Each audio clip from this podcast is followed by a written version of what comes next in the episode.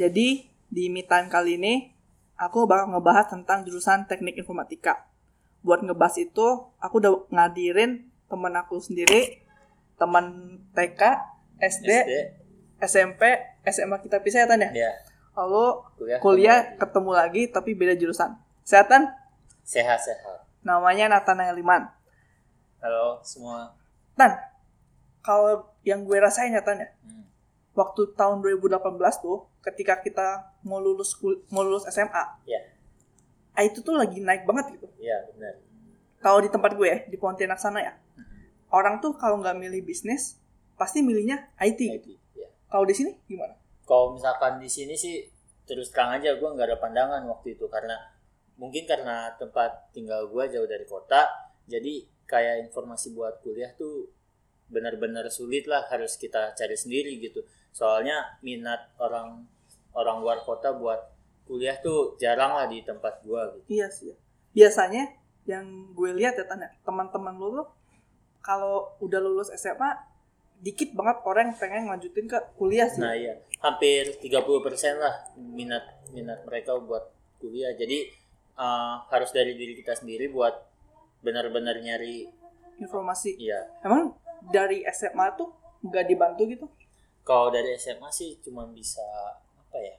Kayak ngasih informasi doang sih. Kayak tapi ya kayak sekolah-sekolah biasa mungkin suka ada dari univ-univ lain gitu datang ke kelas Oh. buat Presentasi gitu ya? Presentasi dan segala macam. Oke.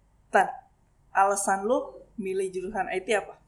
ya awalnya sih sebenarnya gua lagi nyari-nyari gitu kan waktu SMA gitu. Gue juga bingung awalnya mau kuliah jurusan apa gitu. Tapi ya akhir-akhirnya gue milih IT karena menurut gua gua seneng gitu di dunia IT gitu. Soalnya gua tipe orang bukan tipe orang yang penghafal gitu. Gua lebih milih buat ngerjain sesuatu dengan logika gitu. Nah gua cari-carilah di internet uh, IT tuh belajar apa aja sih? Ya kayak yang gua cari-cari sih kebanyakan ya berhubungannya dengan matematika dengan logika gitu Jadi waktu lu search nih misalnya ya jurusan teknik informatika, Iya. waktu lu baca tentang jurusan itu, lu ngerasa seneng ya? Ya nggak sih? Nah itu juga sebenarnya yang gue rasain sih waktu gue mutusin buat kuliah di jurusan yang gue lakuin sekarang ini sih. ya Bener sih, kuliah IT itu penuh sama logika rasanya. Kalau kalau di pandangan gue ya, cuman nggak tahu kalau di pandangan lu. Kita bakal ngebahas lebih dalam lagi deh. Iya.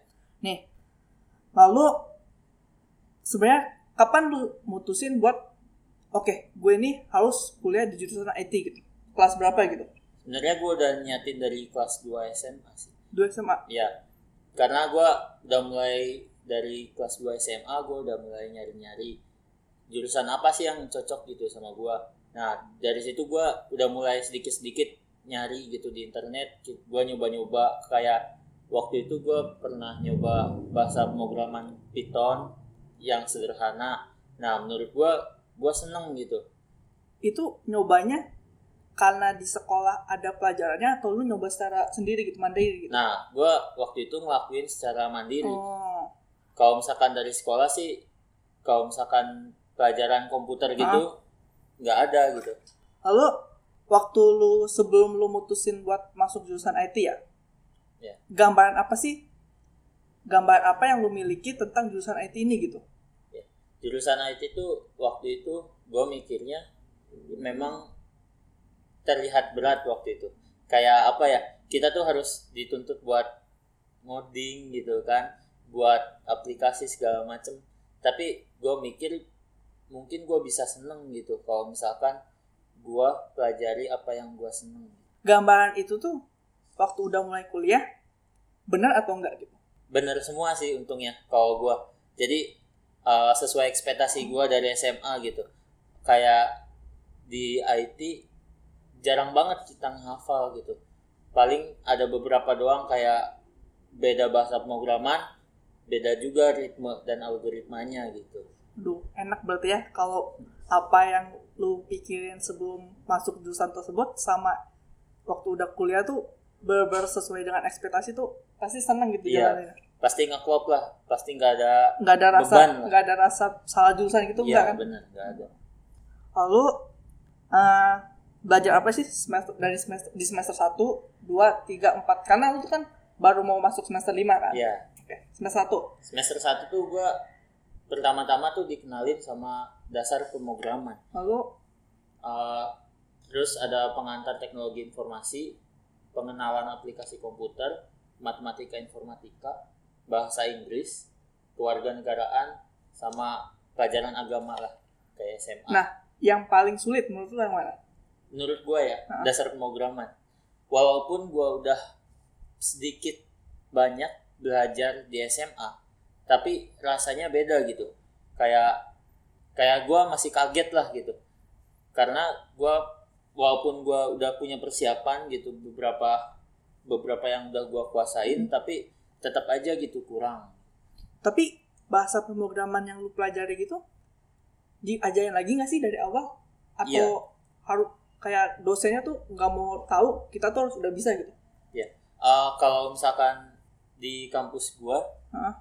Ya semuanya diajarin dari awal gitu. Jadi Mau yang nggak bisa iya. atau bisa tetap bisa ngikutin kan? tetap bisa ngikutin selagi kitanya mau belajar gitu dan mau ngikutin semua tergantung kita sih tapi kalau misalkan gua rasa di fakul di jurusan gua tuh kita tuh harus ngikutin dari awal gitu kalau misalkan kita nggak bisa ngikutin dari awal kita nggak akan bisa ng- ngikutin untuk selanjutnya Jadi kalau udah ketinggalan biasanya malas ya buat Iya. buat ngul, apa ngulang lagi dari awalnya gitu sih ya. ya soalnya nggak akan ngerti gitu Oh iya, Selanjutnya. karena bahasa pemrograman tuh kayak setiap materinya tuh punya ter- keterkaitan sa- satu sama lain ya kan? nah ya? iya Jadi kalau di basic aja nggak bisa, gimana kita mau belajar yang lebih Iya, sulit lebih lagi kan? sulit.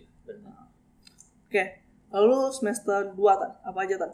Semester 2 tuh kita ada algoritma dan struktur data satu itu tuh lanjutan dari das- dasar pemrograman kalau misalkan dasar pemrogramannya nggak C kita nggak boleh ngambil Mau minimal Iya. minimal C gitu ya? Iya.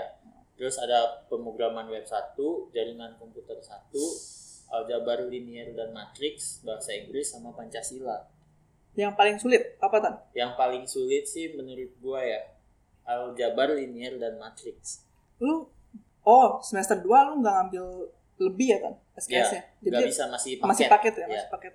Kalau pemrograman web itu yang lu pelajari pakai apa tuh?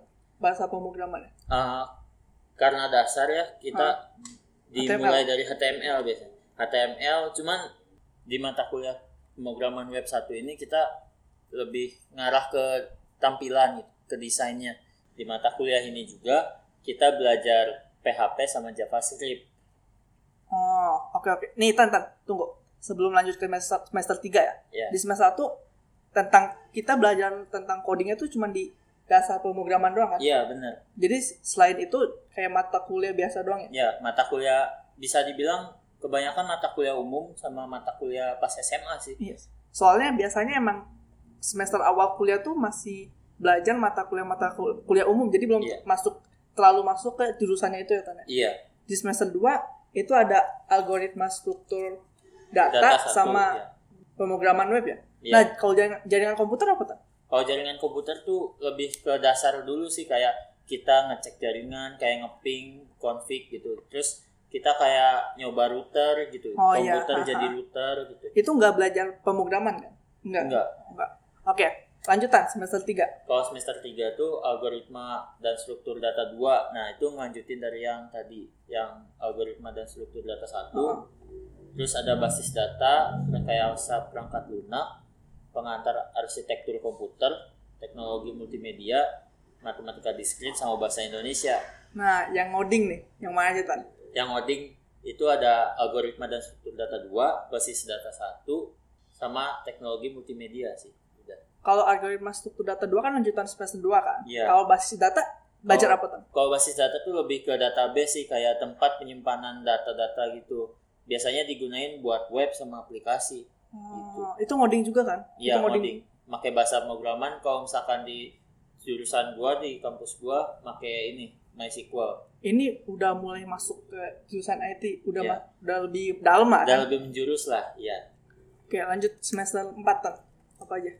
Kemarin sebenarnya dari semester 3 tuh Oh, iya. gua udah Ah. bisa ngambil beberapa mata kuliah yang semester depan. Iya. Jadi gue bisa kalau di fakultas gue bisa tiga setengah, masih bisa lulus tiga setengah Hmm. Iya. tahun. Kalau semester 4 ada pemrograman berorientasi objek satu, basis data 2, rekayasa perangkat lunak 2, jaringan komputer 2, sistem operasi komputer sama statistika. Ah, yang pemrograman berorientasi project tuh pemrograman juga, tapi cara berpikirnya beda ya Tan. Nah ya, jadi lebih terstruktur gitu. Kita membuat program untuk aplikasi, tapi programnya tuh kita strukturin gitu. Ada ada strukturnya gitu. A- Ada apa ya? Objeknya, Iya, ya ada sih? objek. Tentuin objek dulu, tentuin kelas ya kalau nggak salah. ya. Ya, Oh, itu gue belajar tuh Tan. Oh itu jadi satu semester tuh ada yang A langsung ada A sama B-nya gitu. Nah, ini A sama B ini beda. Jadi kalau misalkan kita ngambil A nggak bisa ngambil B gitu. Oh. Karena bahasa pemrogramannya beda gitu. Jadi yang A tuh pakai bahasa pemrograman C Sharp. Kalau misalkan yang B pakai Java gitu. Oh jadi lu Kita bisa milih. Oh itu gak wajib kan? Uh, ini milih salah satu. Milih salah satu. Iya. Oh. Tapi wajib wajib dipilih tapi cuma satu. Ah, jadi nggak nggak harus ngambil dua-duanya gitu. Jadi kalau misalnya kita ngambil A, semester selanjutnya kita harus ngambil yang B, enggak kan? Enggak. Oh, jadi lu milih yang B ya? Iya, gue yang milih B karena bahasa pemrograman yang lu pengen pelajari itu ya? Iya, Java. Oh. Yang paling sulit apa tuh? Yang paling sulit jujur pemrograman berorientasi objek satu sih.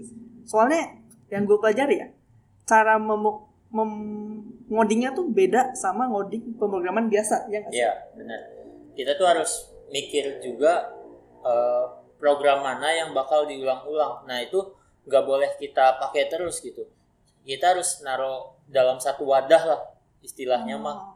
Kita naruh dalam satu wadah buat nampung codingannya. gitu. Hmm, hmm, hmm, hmm. Nggak, strukturnya tuh nggak kayak biasa kita ngoding di bahasa pemrograman kayak Python yang tadi lu bilang Iya. itu ya kan? Oh ya Tan, setahu gue lu tuh ada ngambil semester pendek, Iya. ya kan? Lalu lu kan ngambil, ada ngambil mata kuliah di atas waktu ngam- di semester berapa gitu kan? Iya. Nah lu udah ngambil apa aja tuh? Waktu di SP semester pendek sama waktu di semester 3 sama 4 apa aja Tan? Jadi kalau misalkan di kampus gua nih setiap perpindahan dari semester genap ke ganjil itu biasanya ada semester antara. Nah, kita di semester antara ini bisa ngulang atau kita bisa ngambil semester Mata mata kuliah kuliah di semester atas ya? semester atas. itu Iya. bisa mempercepat kita buat kuliah atau enggak meringankan kita ya nggak sih? Iya, benar.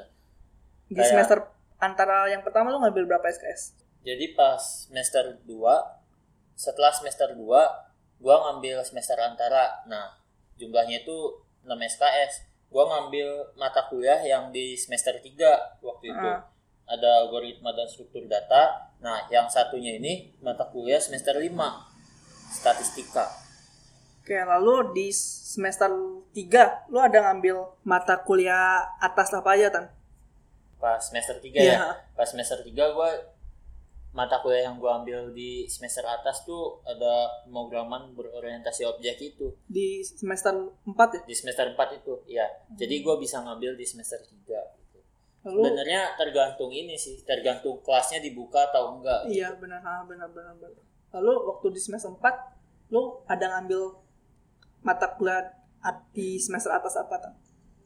kalau semester 4 ada tiga yang gue ambil di semester 4 jadi ada pemrograman berorientasi objek 2 itu 4 SKS yang seharusnya di semester 5 terus ada desain antar muka pengguna harusnya di semester 6 sama ada kapitas selekta itu harusnya di semester 8 Jadi di semester 4 lu ngambil tiga mata kuliah di semester atas. ya Wow, udah berapa SKS sih lu?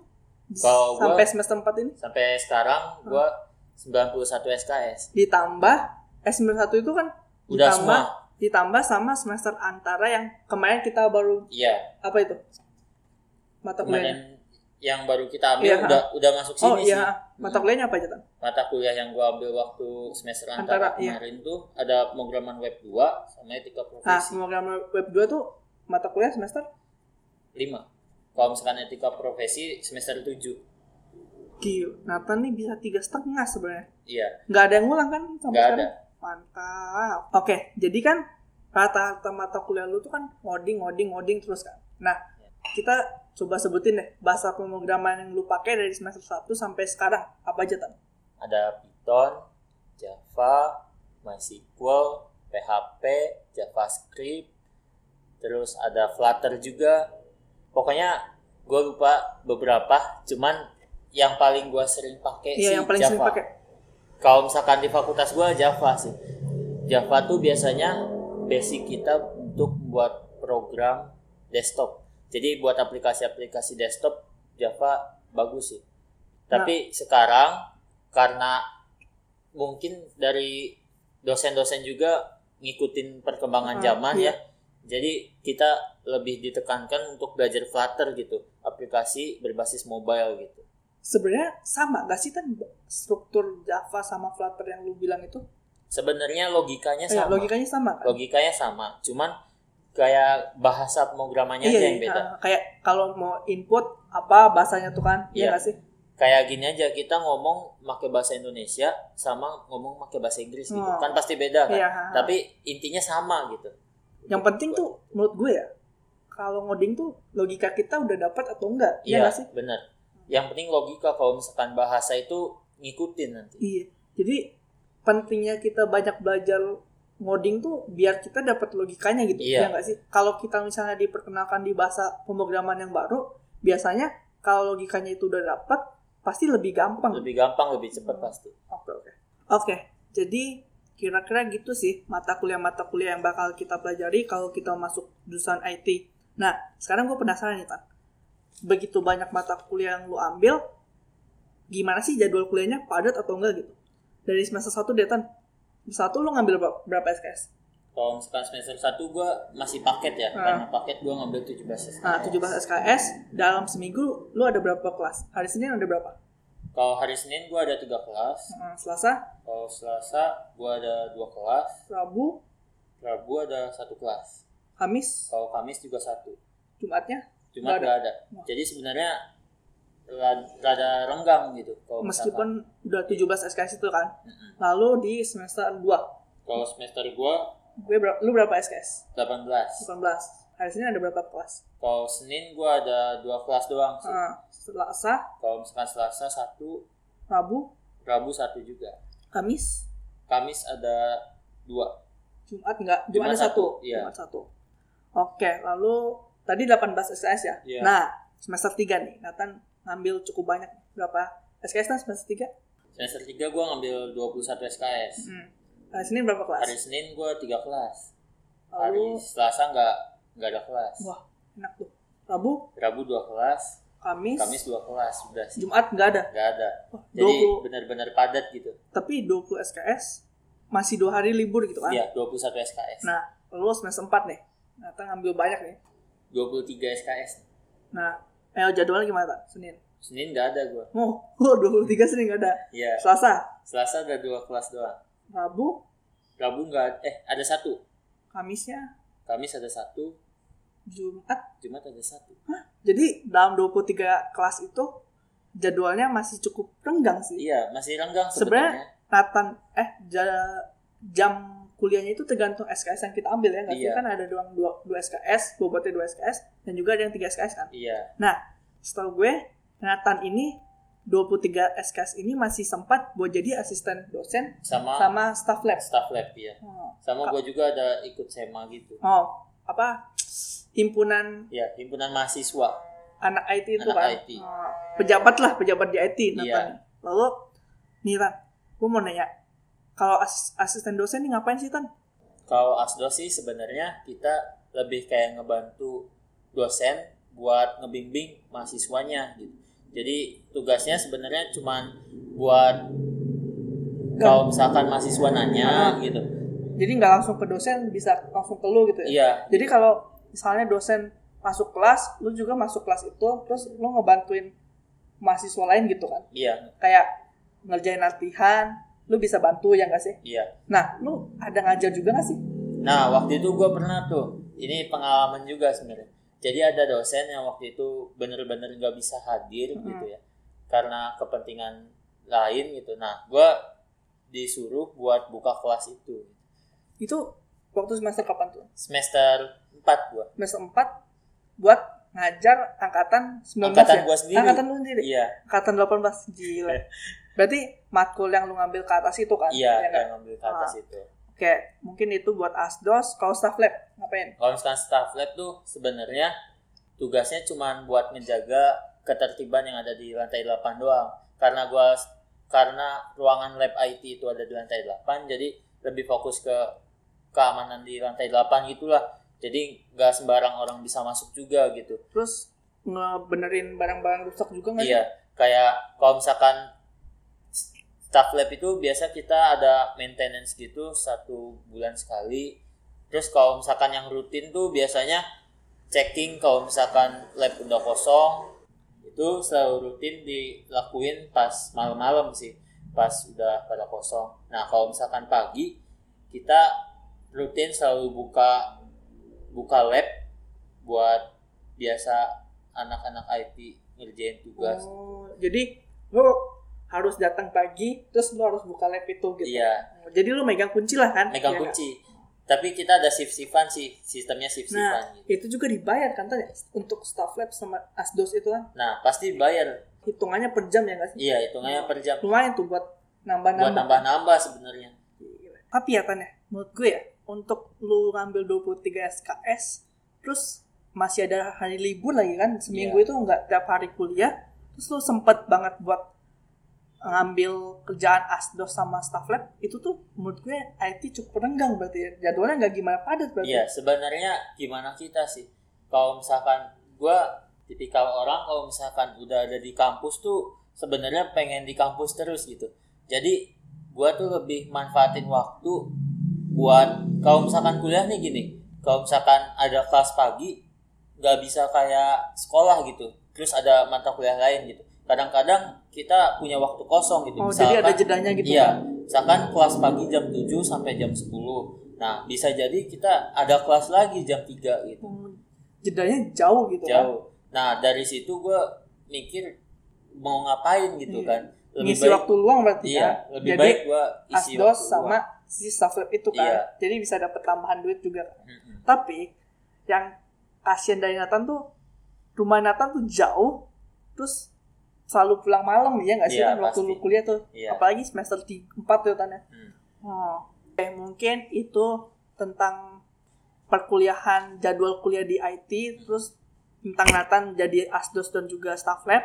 Nah selanjutnya, gue mau tahu nih Tan, untuk di kampus lu nih ya, Iya. ada mata ada peminatan apa aja sih konsentrasi apa aja yang bisa ma- mahasiswa IT itu ambil gitu Kalau di IT ada tiga peminatan. Jadi yang pertama tuh ada data dan knowledge, yang kedua tuh ada multimedia dan game, terus yang ketiga ada network dan security. nah itu tuh semester 5 kan baru kita ambil ya Ya, semester 5 baru kita bisa ambil. Ber- berarti semester besok lah kan Ya. nah rencananya lu bakal ngambil tentang apa Kalau gua sih lebih ke arah data dan knowledge sih. nah lu bisa jelasin gak sih itu tuh tentang apa Eh, sebenarnya kalau data dan knowledge itu kita lebih belajar tentang gimana cara mengolah data, terus lebih ke apa pembelajaran mesin gitu. Hmm. Jadi kita belajar gimana sistemnya, gimana cara mesin mengolah datanya. lu nggak tertarik buat ambil yang game tadi gitu Kalau misalkan game sih gue nggak terlalu tertarik sih, soalnya gue bukan tipikal orang yang bisa buat apa kreatif buat desain Oh. gitu, grafik gitu. Tapi lu suka banget buat main game ya Iya pasti. oke oke mungkin itu ya konsentrasi yang ada di di Universitas Nathan Iya. mungkin ya di setiap universitas punya konsentrasi yang beda-beda ya nggak sih Tan? Iya pasti beda-beda. Oke Tan, sekarang gue mau nanya nih. Selama lu kuliah nih, 4 semester, ada project-project apa sih yang lu pernah dapetin gitu dari dosen-dosen? Kalau misalkan project dari dosen sih gue udah pernah ngebuat kayak survei gitu, Hmm. survei tentang alumni IT gitu. Uh, Jadi itu isinya tentang survei seberapa tingkat pengangguran di lulusan IT. Kita uh, gua sama dosen itu bisa mengevaluasi dari data tersebut uh, seberapa kompeten lulusan-lulusan alumni IT di Maranatha gitu. Itu di luar mata kuliah ya kan? Ya di luar mata kuliah. Kalau yang di dalam mata kuliah gimana? kalau di dalam mata kuliah tuh biasanya gua ngerjain project-project tugas besar sih kalau untuk saat ini. Nah, Yang gua ada pernah kerjain tuh ya kayak pemrograman web kita disuruh buat web dan kita hosting gitu. hosting tuh apa? Kalau misalkan hosting tuh kita uh, kayak bisa diakses ke luar gitu. Oh, yang Bisa. waktu itu lu tunjukin ke gue gak sih? Iya. Yang ada lagunya ya? Nah, iya benar-benar. Lalu lalu tan apa lagi? Kalau misalkan jaringan komputer juga ada. Kalau misalkan jaringan komputer tuh lebih ngarah ke kita disuruh buat simulasi simulasi gedung gitu. Nah, kita buat rangkaian jaringannya gitu. Hmm. Jadi tugas besar itu banyak juga kan buat di mata kuliah lain gitu kan? Iya, banyak. Yang paling sulit deh? Apa yang menurut yang paling Yang sulit? paling sulit untuk saat ini Ah, ya yang lu ada di semester 4 sih. Apa itu? Mata kuliah apa? Uh, pemrograman berorientasi objek Nah, 2. itu disuruh buat apa? Itu sebenarnya pelajaran semester 5, Ah, cuman gua ambil di iya. semester 4. Itu disuruh buat aplikasi desktop. Itu benar-benar pure dari nol kita bikin desain, bikin basis data, bikin tampilan juga. Itu udah udah komplit lah gitu kayak pelajaran dari semester 1 sampai semester 3 tuh diterapin di situ. gitu. diterapin di situ gitu. Nah itu waktunya berapa lama kan? itu biasanya uh, dari awal perkuliahan udah dikasih tahu gitu karena kita baru masuk ke apa ke pembelajarannya jadi ba- kita baru bisa ngerjain pas pertengahan perkuliahan gitu Dikumpulnya di dikumpulnya di akhir perkuliahan. akhir gitu? perkuliahan Oh. Jadi kurang lebih satu semester lah kan? iya setengah semester lah Setengah semester. Gila, berarti lu disuruh bikin aplikasi laptop gitu? iya aplikasi desktop Dari tentang apa tan aplikasi? uh, gua waktu itu ngerjain tentang point of sale itu. apa? jadi kayak transaksi di jual beli gitu Oh, transaksi jual beli kayak Hmm. misalkan di Alfamart gitu ya contohnya atau Indomart gitu Uh, pokoknya di supermarket lah yang di kasir gitu. ya nah Hmm. di kasir kita bisa ngelihat misalkan kita sebagai admin Ah. gitu ya nah kita bisa ngelihat stok barang segala macam tapi kalau misalkan kita jadi kasir Heeh.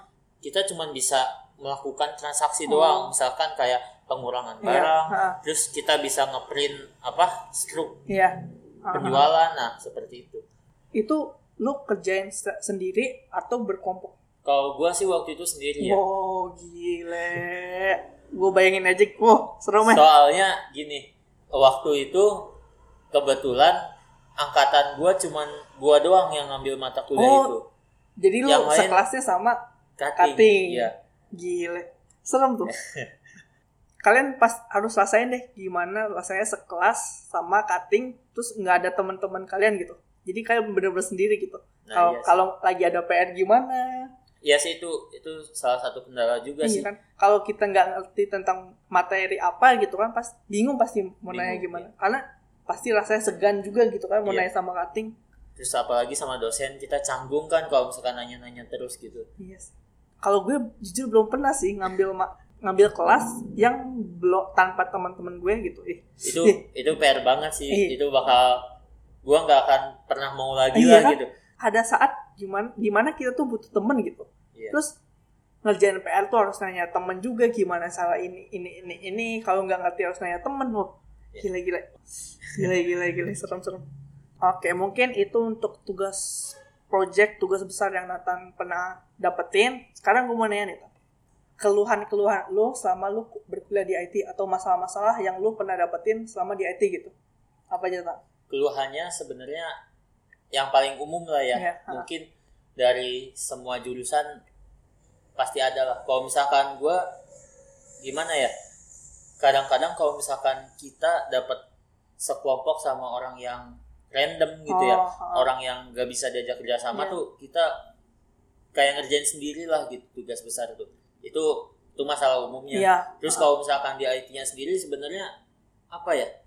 Keluhannya tuh kita nggak bisa ngerjain tugas dalam sehari gitu nggak bisa kebut malam gitu Iya. Jadi harus harus di Harus jauh-jauh hari gitu, iya, jauh-jauh hari harus udah di- harus dikerjain gitu kan. Iya. Tapi Hah. walaupun dicicil juga kadang-kadang apa ya?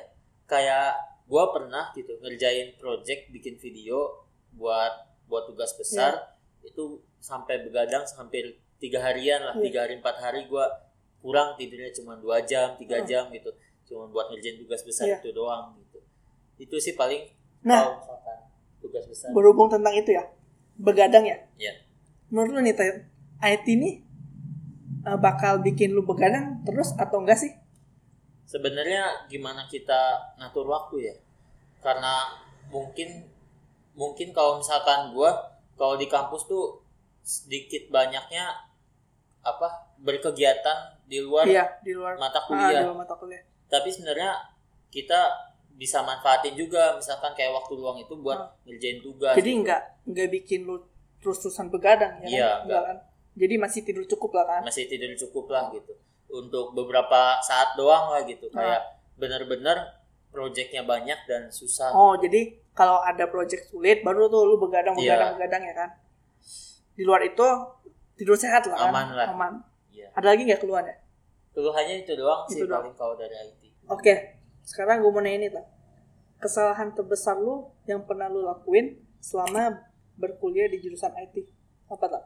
sebenarnya gini eh, kesalahan terbesar sebenarnya nggak besar besar banget tapi memalukan lah Nah, gitu Apa tuh? kayak waktu itu pernah gue suatu hari begadang sampai jam 5 Heeh. terus ada kelas jam 7 nah karena gue tidurnya sebentar gue hampir kelabasan lah gitu kayak hampir kelewat gitu kelas tuh misalkan gue waktu itu kelas jam 1 selesai jam 5 Heeh. Nah, gua karena ketiduran, pokoknya Oh, di lantai 8 iya, di ruangan staff Iya, lab gitu. Gua ketiduran sampai jam 3 gitu. Baru baru sadar pas jam 3, gua langsung masuk kelasnya. Untungnya dosennya ngerti lah gitu. Oh, Jadi gua boleh masuk. Teledor, ceroboh Iya. berarti kan? Ceroboh gua. Oh berarti itu sore hari kan? Sangka Iya, gue, sore. sangka gue pagi-pagi. Iya. Begadangnya ma- malam kemarinnya. Iya. Terus lu ngantuk, berhubung lagi staff lab, Iya, gua ketiduran ah, lu ketiduran. Oh, oke oke. Itu Berarti sih. gimana cara kita ngatur waktu lagi sih Iya kan kayak gitu kan? Kalau misalkan semakin banyak kegiatan kita, semakin harus pintar-pintar Iya. kita buat ngatur waktu. Karena menurut gue Nata nih sibuk banget udah sama pejabat di IT nih, ikut himpunan IT, asisten dosen, staff lab, staff lab, iya. ambil 23 SKS lagi kan. Wah, Iya. itu sih kalau kalian gak pinter-pinter ngambil waktu, jangan sih ya. Iya. Ya? Tapi gue masih bisa main game sih. ah, masih bisa main game. Iya. Jadi gimana kita atur-atur waktu? Mhm. Cuman beda gitu. Kita lebih porsi game buat main game, Tapi buat ya. belajar. Kalau kalau gue lihat ya, lu kan 23 SKS, libur dua hari ya. Iya. Terus walaupun sisa harinya kuliah, tapi di hari itu nggak gimana sibuk kan? Kuliahnya. Oh, sebenarnya waktu semester 4 ya, Heeh. kan Senin gua nggak kuliah. Iya. Nah, gua tetap datang ke kampus gitu buat Tuh. staff. Iya kalau kalau di luar di luar staff lab sama asdos sama himpunan pasti jadwal lu tuh renggang banget ya Renggang sih? pasti. Hmm. Pasti renggang banget gitu. Makanya apa ya? Gua pikir kayak terlalu banyak libur sia-sia juga Iya. gitu. Jadi momen kuliahnya nggak ada, kurang dapet ya. Kurang Tan? dapat ya. Nah, oh iya Tan, gue baru ingat nih. Kalau nggak salah, lo itu pernah bilang ya mata kuliah kayak bahasa pemrograman gitu setiap sekali masuk tuh langsung 5 SKS. Itu Iya. benar nggak sih? Iya benar. Kalau gue ya biasanya itu 3 SKS, 2 SKS. Itu berapa jam sih kurang lebih? Itu dari jam 7 sampai jam 12 sekitar 5 jam. 5 jam. Itu ada jeda nggak? Ada sih. Jadi kalau misalkan waktu itu pas offline ya, Iya. heeh. pas sebelum pandemi Corona, ya. ini, eh, gua setiap pergantian itu tuh ada ada dua kelas, ada teori sama praktikum. Oh, Jadi setiap iya. teori selesai kita ada jeda 10 menit gitu untuk istirahat, untuk jajan apa segala macam bisa gitu. Jadi masih ada waktu buat nge-refresh otak lah. Iyalah, gitu. Kalau nggak mungkin tidur kali ya di kelas. Pusing. Nah, Oke oke oke. Oke Tan, kalau tadi kan kesalahan ya Tan. Sekarang keputusan terbesar, eh, keputusan yang lu salah ambil gitu. Itu apa Tan? Itu waktu awal kuliah sih. Kenapa Gua, tuh?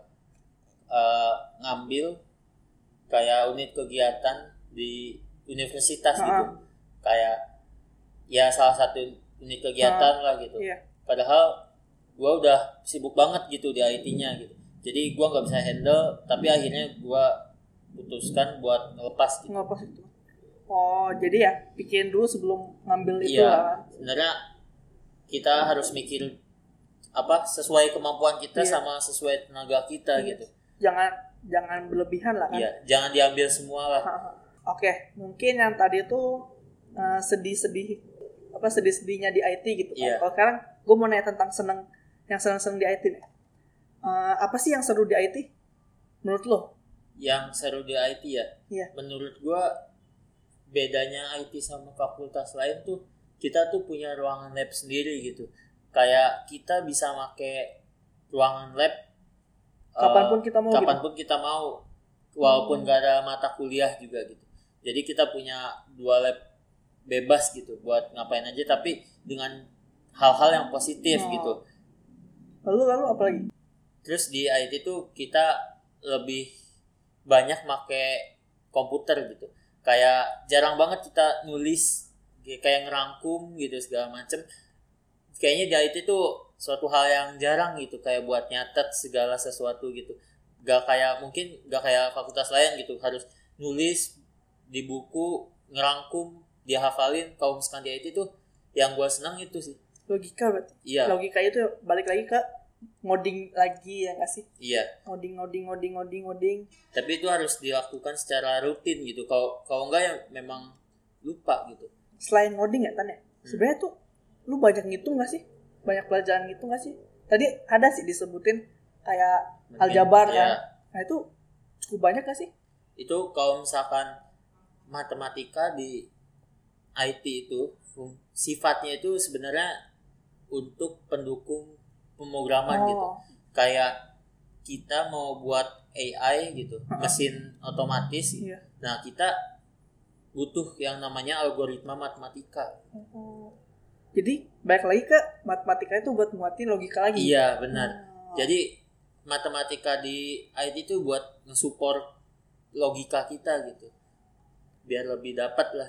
apalagi seru yang seru di IT? Yang seru sih sebenarnya pengalaman baru lah gitu. Kayak gua di IT bisa apa ya? Kayak ada rasa senang sendiri gitu. Ki- Kita bisa buat aplikasi, kita Hmm. bisa buat web kita sendiri gitu. Berarti itu kan lebih ke apa yang kita sukai terwujudkan ya Iya nggak sih? benar. Mantep tuh, mantep tuh. Udah, itu aja. Iya sih, paling itu. Oke, Tan. Lalu gue mau nanya tentang kebiasaan-kebiasaan apa sih yang sebenarnya sebaiknya tuh lu lakuin waktu kuliah. Jadi di mana kebiasaan-kebiasaan ini tuh bakal bantu perkuliahan lu gitu. Apa aja, Tan? sebenarnya kalau misalkan kegiatan-kegiatan yang harus dilakuin tuh kayak kita tuh harus rutin buat ngoding gitu kayak otak kita harus terus diasah biar nggak lupa gitu kita ngoding gitu. Jadi walaupun lagi nggak ada kelas coding, lagi nggak ada tugas coding, sebaiknya kita tetap tetap latihan lah Nah, gitu biar baik lagi ke Iya. logika-logika itu kan. Biar nyam- biar logika kita tuh dapat ya nggak sih? bener Ada lagi nggak?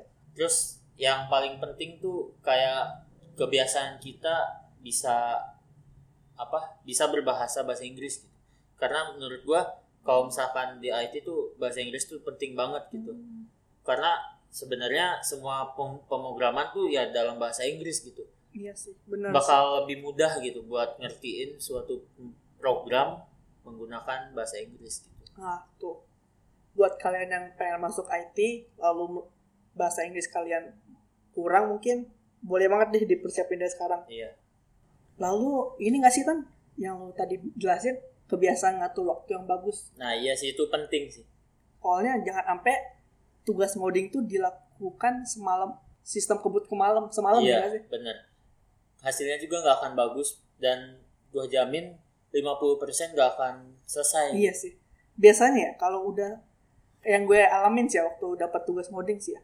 Kalau misalnya Hamin satu baru kita buat, Iya. lalu ada error ya, waduh itu itu pusing sih, Iya itu sih. panik sih. itu pasti stuck gitu Iya. langsung stuck Otak makanya otak tuh bener-bener ngestak panik gitulah pokoknya. makanya kalau misalkan di IT nggak bisa kita sistemnya kebut semalam Oh. gitu sebenarnya Oke, mungkin gitu aja Tan ya, iya kebiasaan-kebiasaan yang bisa membantu di perkuliahan. Iya. Lalu gue mau nanya tentang skill apa aja yang sebaiknya kita miliki sebelum kita masuk jurusan IT. Kalau misalkan skill khusus sih menurut gua nggak ada ya. Oh.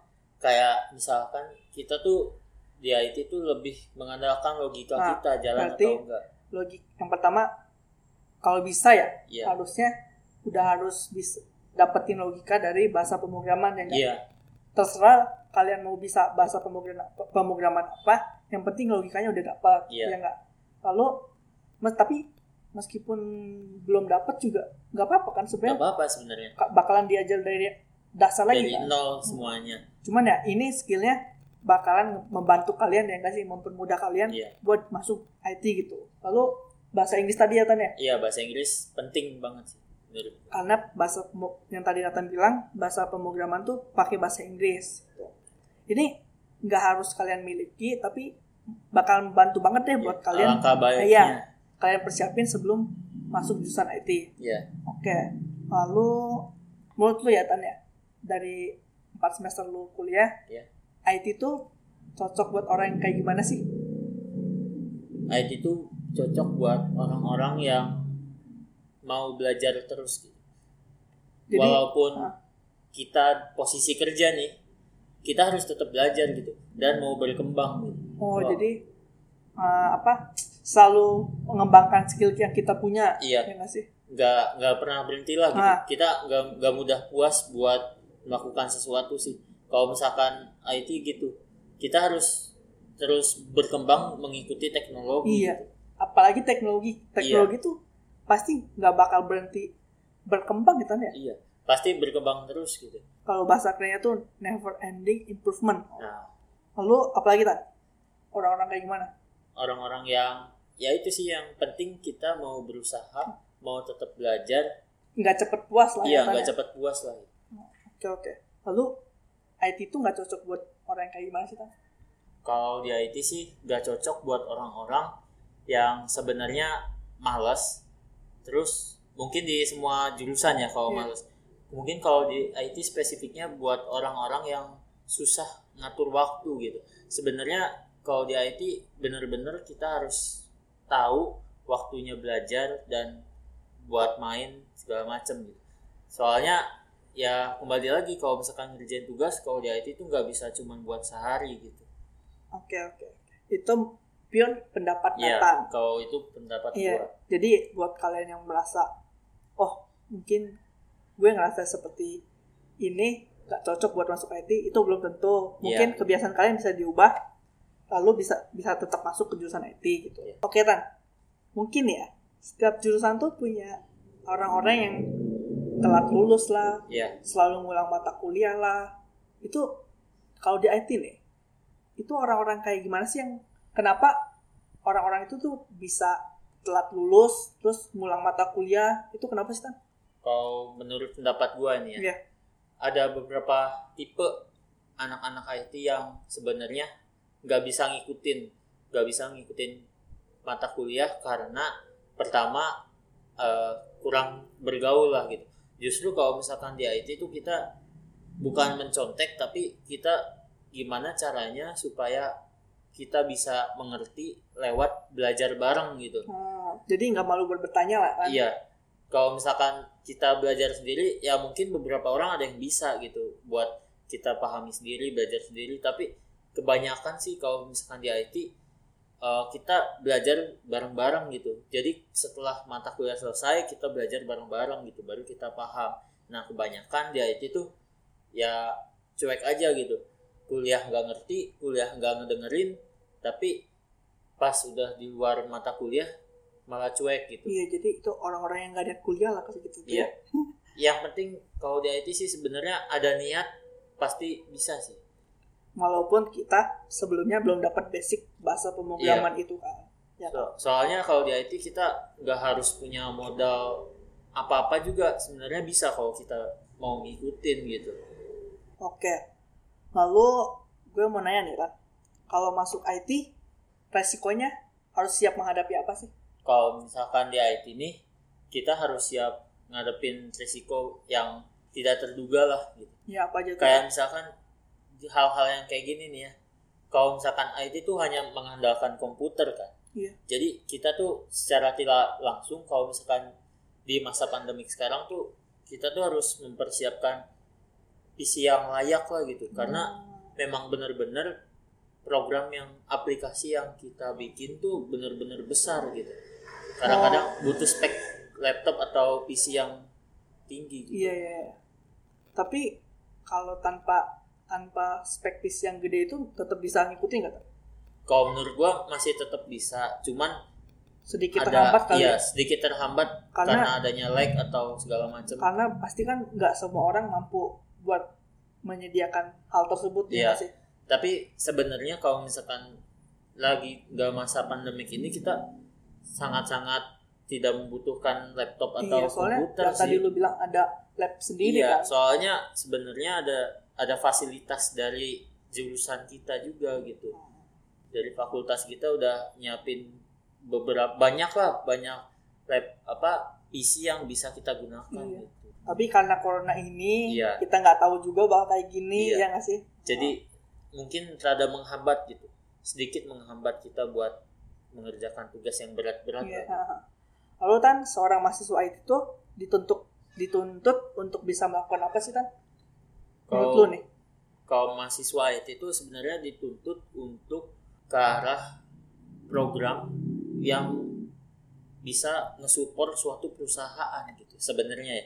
Kalau kalau misalkan kita udah lulus di IT itu kita sebenarnya dituntut untuk ke arah situ gitu. Tapi sebenarnya tergantung peminatan. Nah, iya sih permintaan yang konsentrasi yang lu ambil tadi itu kan? Iya. Sebenarnya kita dituntut untuk ke arah IT-nya gitu, sesuai peminatan kita. Jadi tergantung kita juga gitu mau ke arah mana. Tapi sebenarnya yang penting kalau gue gue tangkap ya tan ya, Hmm. IT itu dituntut untuk bisa membuat program lah kan? Iya, Ya nggak sih? pasti. Oke.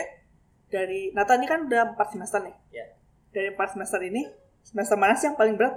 Kalau menurut gua semester yang paling berat tuh jujur semester 4. Oh, yang kemarin berarti Ya, baru kemarin. Kenapa tuh? Soalnya yang pertama mata kuliahnya tuh sulit, Iya, tapi masih bisa ikutin. di- diikutin sebenarnya. Cuman harus adaptasi karena pandemik ini sebenarnya ya. Karena udah Oh. sulit lalu Belajar sendiri lagi iya kan? belajar sendiri gitu. Iya.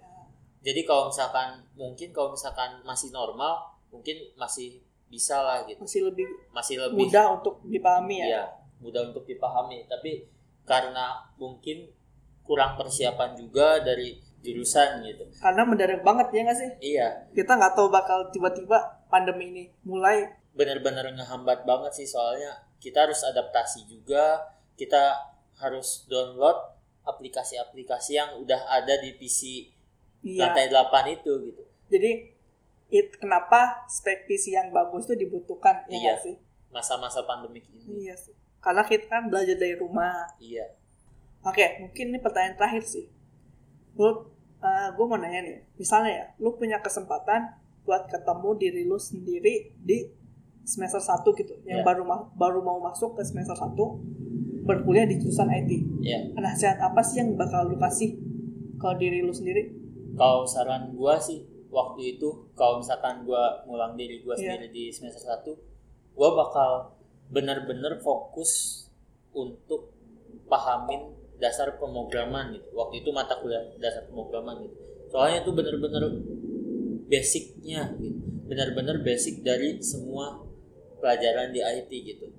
Soalnya di SMA lu pun nggak diajarin ya. Nah iya makanya makanya waktu itu juga sebenarnya gue dibilang kaget mah kaget soalnya memang gak ada mata kuliah di SMA. SMA dan tiba-tiba pas di perkuliahan gue ketemu pelajarannya seperti itu gitu walaupun gue waktu itu udah ada sedikit persiapan lah Secara gitu. mandiri ya kan? iya Tapi, tetap di, diajarin di dasar ya nggak sih? iya benar nah makanya gue kalau misalkan suruh gue ngulang dari semester Ah. 1 gue pengen perbaikin itu supaya gue nilai nilai dapetin nilai yang maksimal lah Lebih bagus daripada sebelum iya yang lu dapetin kemarin, ya nggak sih? kemarin iya Nah itu mungkin saran dari Nathan buat teman-teman yang pengen banget buat masuk ke jurusan IT. iya Mungkin gitu aja sih Nat ya. iya Udah cukup banyak sih.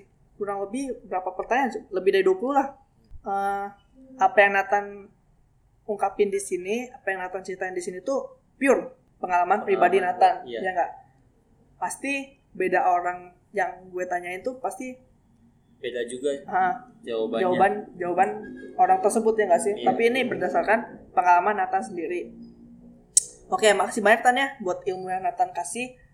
Terus makasih banyak buat waktu yang Nathan luangin buat ngerekam podcast ini. oke Sukses terus buat kuliahnya. ya Oh ya, kalau teman-teman nih punya masih banyak pertanyaan-pertanyaan tentang jurusan IT buat teman-teman yang tertarik buat masuk IT itu boleh banget deh DM Instagram Nathan atau enggak Instagram aku sendiri itu ada di deskripsi. Nah, lalu kalau misalnya masih banyak hal-hal yang pengen dibahas, mungkin bakalan buat part-part selanjutnya tentang jurusan IT ini. Mungkin gitu aja sih. Makasih banyak buat teman-teman yang udah dengerin sampai akhir mudah-mudahan ini benar-benar bermanfaat buat teman-teman buat ngasih gambaran tentang jurusan IT gitu karena ya menurut, menurut gue ya Tan ya Iya. salah satu salah satu penyebab orang salah jurusan itu ekspektasi dia tuh salah gitu Iya. waktu sebelum dia masuk jurusan itu dan sesudah masuk perkuliahan gitu betul jadi ini tuh salah satu alasan kenapa aku buat podcast ini ya karena buat kasih gambaran ke kalian supaya kalian tuh terhindar dari namanya salah jurusan gitu benar Bang. mungkin uh, beda universitas, beda nama mata kuliah yang dipelajari. Tapi menurut menurut gue ya tanya Hmm. rata-rata apa yang dipelajari itu seperti itu gitu. Iya sih Oke. Makasih banyak buat yang udah dengerin. Sampai ketemu di me time selanjutnya. Bye bye. bye bye